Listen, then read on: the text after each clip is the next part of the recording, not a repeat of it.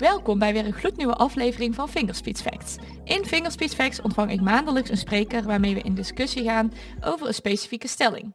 Ook wel een Fingerspeech Fact genoemd. Mijn naam is Carlijn Smolders en ik ben de host van deze podcast. In Fingerspeech Fact ga ik dus het gesprek aan met collega's om uit te zoeken wat je kunt doen bij complexere online marketingvraagstukken.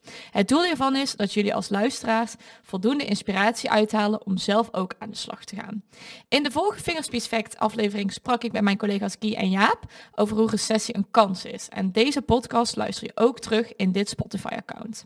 Vandaag ben ik in de studio met Erik Lauwe, Head of CRO bij Fingerspeech. En samen gaan we het hebben over hoe je succesvol kunt experimenteren met CRO, ook als je weinig verkeer hebt op je website.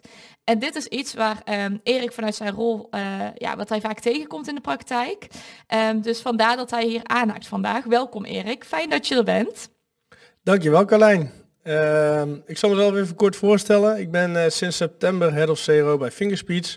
Ik loop inmiddels uh, zo'n zeven jaar mee in de CRO-wereld, waarbij ik voor ja, redelijk wat grote bedrijven heb gewerkt met een hoge data maturity.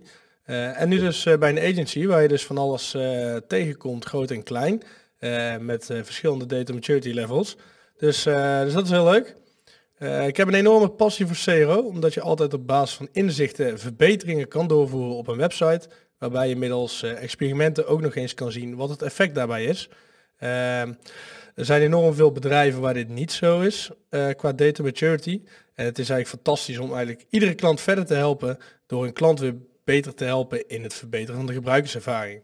Uh, iedere website is namelijk weer een puzzel op zich en is eigenlijk nooit volledig geoptimaliseerd. Uh, en dat dynamische stuk zorgt voor uh, constant nieuwe uitdagingen. Ja, leuk. Want je gaf het ook al aan, hè, Erik. Je hebt natuurlijk voornamelijk gewerkt voor bedrijven waarbij die data maturity wel heel hoog is. maar je merkt ook in de praktijk dat dat vaak juist niet het verhaal is. Dus dat bij het overgrote deel van websites die data maturity heel laag is. Um, betekent dat dan dat veel websites niet optimaal zijn ingericht? Of wat betekent dat eigenlijk? Ja, sowieso is er uh, geen één website uh, optimaal ingericht.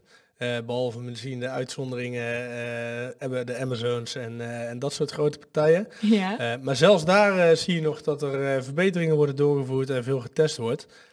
maar er is enorm veel te halen voor heel veel bedrijven om veel meer rendement te halen uit hun website. Maar dus ook uit alle kanalen die verkeer naar de website toesturen. Ja, dus het is niet alleen de website zelf, maar ook eigenlijk alles daaromheen geef je aan. Uh, ja, ja, want als jij, uh, je kan nog zo'n uh, goed, goede kwaliteit verkeer doorsturen. Als jouw website niet goed presteert, dan vallen mensen nog steeds uit en dan gaan ze naar een concurrent. Dus uiteindelijk is een minder performende website funest voor je bedrijfsdoelstellingen.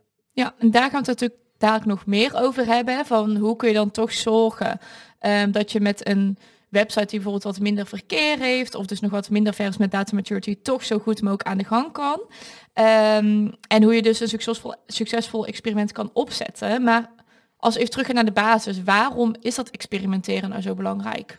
Ja, datagedreven werk is essentieel. Uh, omdat er eigenlijk worden er vaak zaken doorgevoerd zonder te weten wat het effect is. Dus in meer dan 70% van de gevallen hebben deze zaken geen of een negatief effect. En om de winstgevende zaken eruit te filteren heb je AB-testen nodig. Uh, en om tot de juiste knelpunten te komen, hè, dus waar moet ik op focussen qua verbeteringen, is het weer zaak om het klantgedrag en de behoefte in kaart te brengen. Uh, en dat uh, hele stuk komt eigenlijk samen in CRO. En dat is wel heel belangrijk. Ja, dus eigenlijk komt erop neer dat jij zegt, iedere website moet testen. Ja, het is niet helemaal zo straightforward. Ehm, en daar gaat ook dit onderwerp over.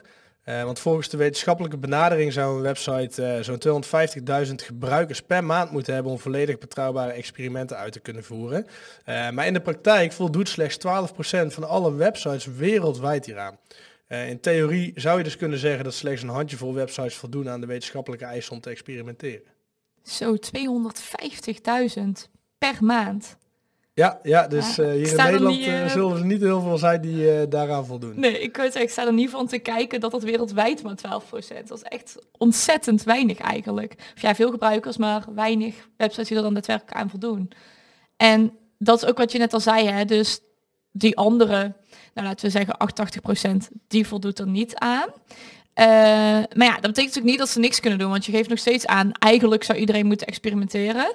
Maar hoe pak jij dat dan aan op het moment dat jouw website daar niet aan voldoet? Ja, allereerst is het uh, goed om te zeggen dat experimenteren altijd een goed idee is. want zonder experiment weet je namelijk niet wat het effect is van hetgeen wat je doorvoert. en hierbij is het wel belangrijk om te begrijpen dat betrouwbaarheid van het resultaat lager wordt naarmate de aantallen lager zijn. Wij hanteren hierbij eigenlijk een aantal regels om een CRO-traject in te gaan, aan de hand dus van volwassenheidsniveau. daarbij hanteren wij drie niveaus, die heten walk, run en fly. Waarbij je in Walk eigenlijk terechtkomt als je minder dan 500 conversies per week hebt. En of de meetbaarheid niet op orde. en dan heb je dus een focus op meer verkeer naar je website halen. of mogelijk een expert review doen. Maar daar kom ik daar nog op terug wat dat precies inhoudt. Ja, en um, om een beeld te krijgen, minder dan 500 conversies per week. Zie je bijvoorbeeld ook vaker bij um, lead generatie ten opzichte van transacties? Of, of waar moet ik dan aan denken? Ja, dus uh, lead generatie is, uh, is sowieso over het algemeen wat minder. Maar kijk, conversies wordt snel naar leads of transacties gekeken en je zou het ook nog op een andere metric kunnen gooien. Maar in principe is dit vaak de, de grootste doelstelling van een bedrijf. Dus dat is wel een beetje wat we hanteren. qua meetbaarheid is het dus heel belangrijk omdat je anders niet weet uh, wat het gedrag is van de gebruiker op je website. Maar ook als jij verkeerde meetbaarheid hebt, dan kun jij dus verkeerde conclusies trekken die uiteindelijk nog steeds verliesmakend zijn. Dus dan kun je heel leuk datagedreven werken.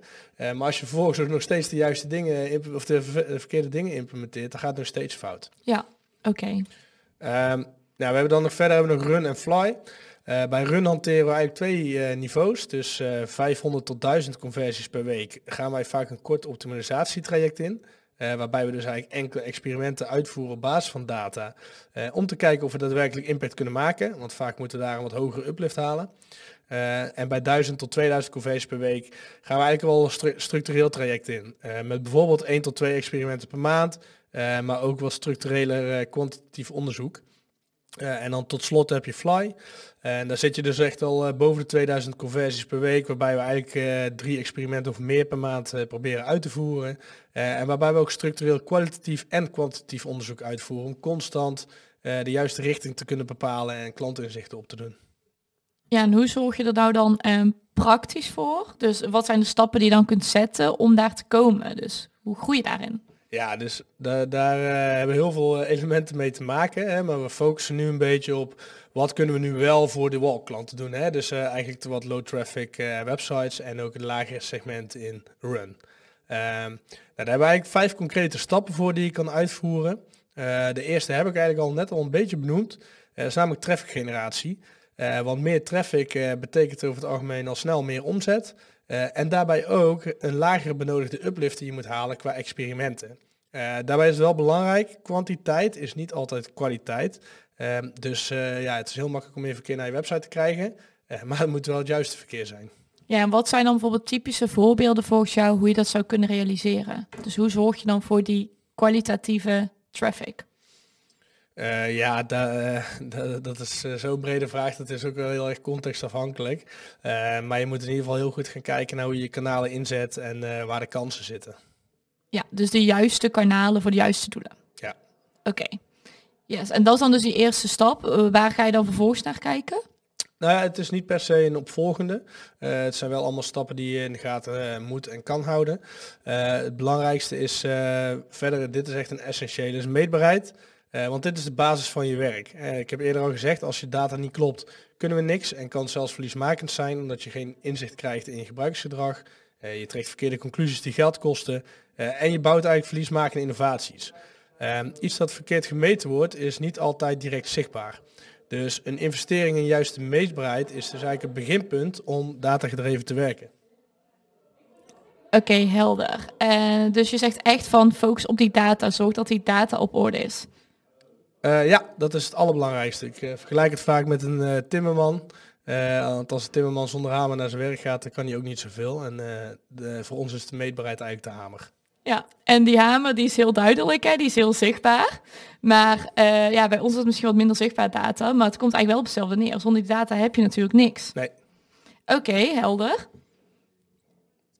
Ja, dan komen we in uh, puntje drie, onderzoek. Ehm, en dat is eigenlijk samen te vatten in twee hele uh, basale vragen. Uh, dus waarom kiezen gebruikers wel voor jouw bedrijf? En waarom kiezen gebruikers niet voor jouw bedrijf? dat is eigenlijk het, hetgeen wat je wil achterhalen. Hè? Dus wie is je gebruiker? wat is zijn gebruikersbehoefte? Hoe kun jij dit oplossen? welke informatie heeft hij nodig? Waar loopt hij tegenaan? En waarom converteert hij wel of niet? en ook nog tot slot, waarmee zou de gebruiker eigenlijk bij je terugkomen? Ja, en hoe, hoe pak je dat dan aan? Ja, hier hebben wij uh, de, zogenaamde, de, zo, de zogenoemde hierarchy of evidence voor. Uh, waarbij er eigenlijk verschillende typen onderzoek zijn op basis van de volgorde lage naar hoge betrouwbaarheid. Ehm, ik heb net al in het begin kort benoemd, hè, dus je hebt de expert opinion. dat is eigenlijk dat een, iemand die in het vakgebied zit gaat kijken naar de website en aan de hand daarvan verbeteringen aankaart. je hebt case studies, dus andere bedrijven die testen bijvoorbeeld, of testen die succesvol zijn geweest, die je zou kunnen doorvoeren. Dan ga je naar kwalitatief onderzoek. Dus dus meer naar waarom iets gebeurt. Hè. Dus dan kun je denken aan klantenserviceonderzoek, surveyonderzoek, dat soort zaken. Dan heb je kwantitatief onderzoek, dus de data-analyse bijvoorbeeld binnen een Google Analytics, maar ook heatmaps en scrollmaps en dat soort zaken. En tot slot AB-testen. er zitten echter wel per punt wel wat kanttekeningen aan. Uh, die zou ik zo ook nog even benoemen. Het klinkt ook wel echt alsof je echt superveel kan doen. Dat er juist heel veel mogelijkheden zijn. Dus hoe kies je dan wat voor jou de beste mogelijkheid is? Ja, veel zaken kunnen, uh, kunnen elkaar ook versterken. Hè? Dus het hangt er ook even per klant vanaf wat de context is en waar die staat. Uh, daarbij is, wel, is het gewoon heel goed om sommige dingen te overwegen. Dus expert opinions bijvoorbeeld, die zijn heel subjectief. En niemand weet vooraf of iets wel of niet werkt. Kijk, ik heb al heel veel meegemaakt dat ik dacht van nou, dit experiment gaat sowieso werken. En vervolgens faalde die uh, falikant. Nou, dat is altijd weer de wonderenwereld van CRO. en dat houdt ons ook scherp, dus dat is ook weer heel erg leuk.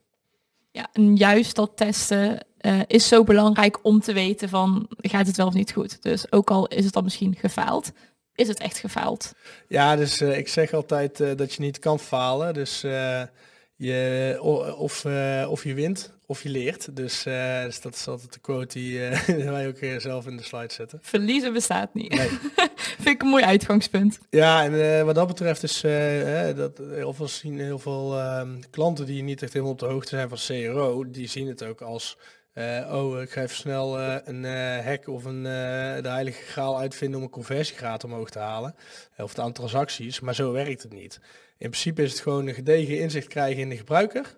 En hoe je die beter kan bedienen in de juiste gebruikerservaring en hoe je zorg kan wegnemen. En dat is gewoon een constant proces. Dus ook al heb jij winnende experimenten, het is veel interessanter om te gaan zien van waarom hebben wij nou eigenlijk het gebruikersverdrag veranderd en ja, wat is er gebeurd. Ja, dus ook echte vragen daarachter te stellen. In plaats van, hé, hey, dit is een goed experiment, dit blijven we doen. Um, maar het ook echt breder te pakken. Ja, ja, en zo kun je steeds dieper uh, op bepaalde hypothesen ingaan om door te testen. Dus dat is altijd heel relevant. Ja, tof. Oké. Um, ja, dus we hadden natuurlijk een paar onderzoeken benoemd. Uh, daar komen ook nog op case studies. Hè, dus succesvolle experimenten vanuit andere partijen. Ehm, nou ja, ik heb het net eigenlijk al een beetje gezegd. Het is geen garantie. Ehm, want ja, wat hier werkt, kan uh, bij een ander bedrijf juist weer het compleet tegenovergestelde teweeg brengen. Het is gewoon heel erg websiteafhankelijk, brancheafhankelijk, contextafhankelijk, gebruikersafhankelijk. Um, dus daar hangt het allemaal vanaf. en het kopiëren van concurrenten is ook best wel tricky, want je concurrenten doen mogelijk ook verkeerd. Um, dus doe dat ook vooral niet standaard zonder te valideren. Ja, of juist weer echt je eigen variant daarop te zoeken. Dus misschien dat het uitgangspunt van de uh, case van de concurrentie wel gebruikt kan worden. Maar dat je al zelf zegt van, hé, hey, wij passen daar dit en dit nog op aan. Ja, ja dus ja. dan kun je allemaal weer nieuwe hypotheses uit opstellen. Ja. Um, ja, we hebben dan nog kwalitatief onderzoek. Hè. Dus ik heb het ook al aangegeven, service en klantenservice onderzoek bijvoorbeeld. Uh, dit is super waardevol, omdat je veel meer inzicht krijgt in de gebruiker en zijn bezwaren. En waarom die wel of niet op een uh, transactie overgaat, maar ook waar die tegenaan loopt met je product. Eh, en dit is eigenlijk heel goed als ondersteuning aan je data-inzichten, omdat het antwoord geeft op de waarom. Wat wel goed is om te weten, is dat de kleine groepen niet e altijd even representatief zijn voor al je gebruikers. En zitten met surveys en klantservice onderzoek ook vaak bias in, omdat er ja, wat, vaak een wat negatiever sentiment is en klanten graag wat gal willen spuwen. dus dat is wel goed om in je achterhoofd te houden. En hoe zou je dat eventueel kunnen um, opvangen, of in ieder geval te zorgen dat, dat dat zeg maar toch uiteindelijk wel gewoon volledig te gebruiken is? Uh, doe je dan bijvoorbeeld nog een ander onderzoek daarnaast? Je gaf al aan van je kunt verschillende soorten onderzoek ook doen. Ja, dus een klantenservice onderzoek is altijd heel waardevol, omdat je, ehm, ja, dat is gewoon uh, het uh, gesprek van de dag wat er steeds plaatsvindt en daar trends in zien. dus dat is gewoon altijd een goed startpunt.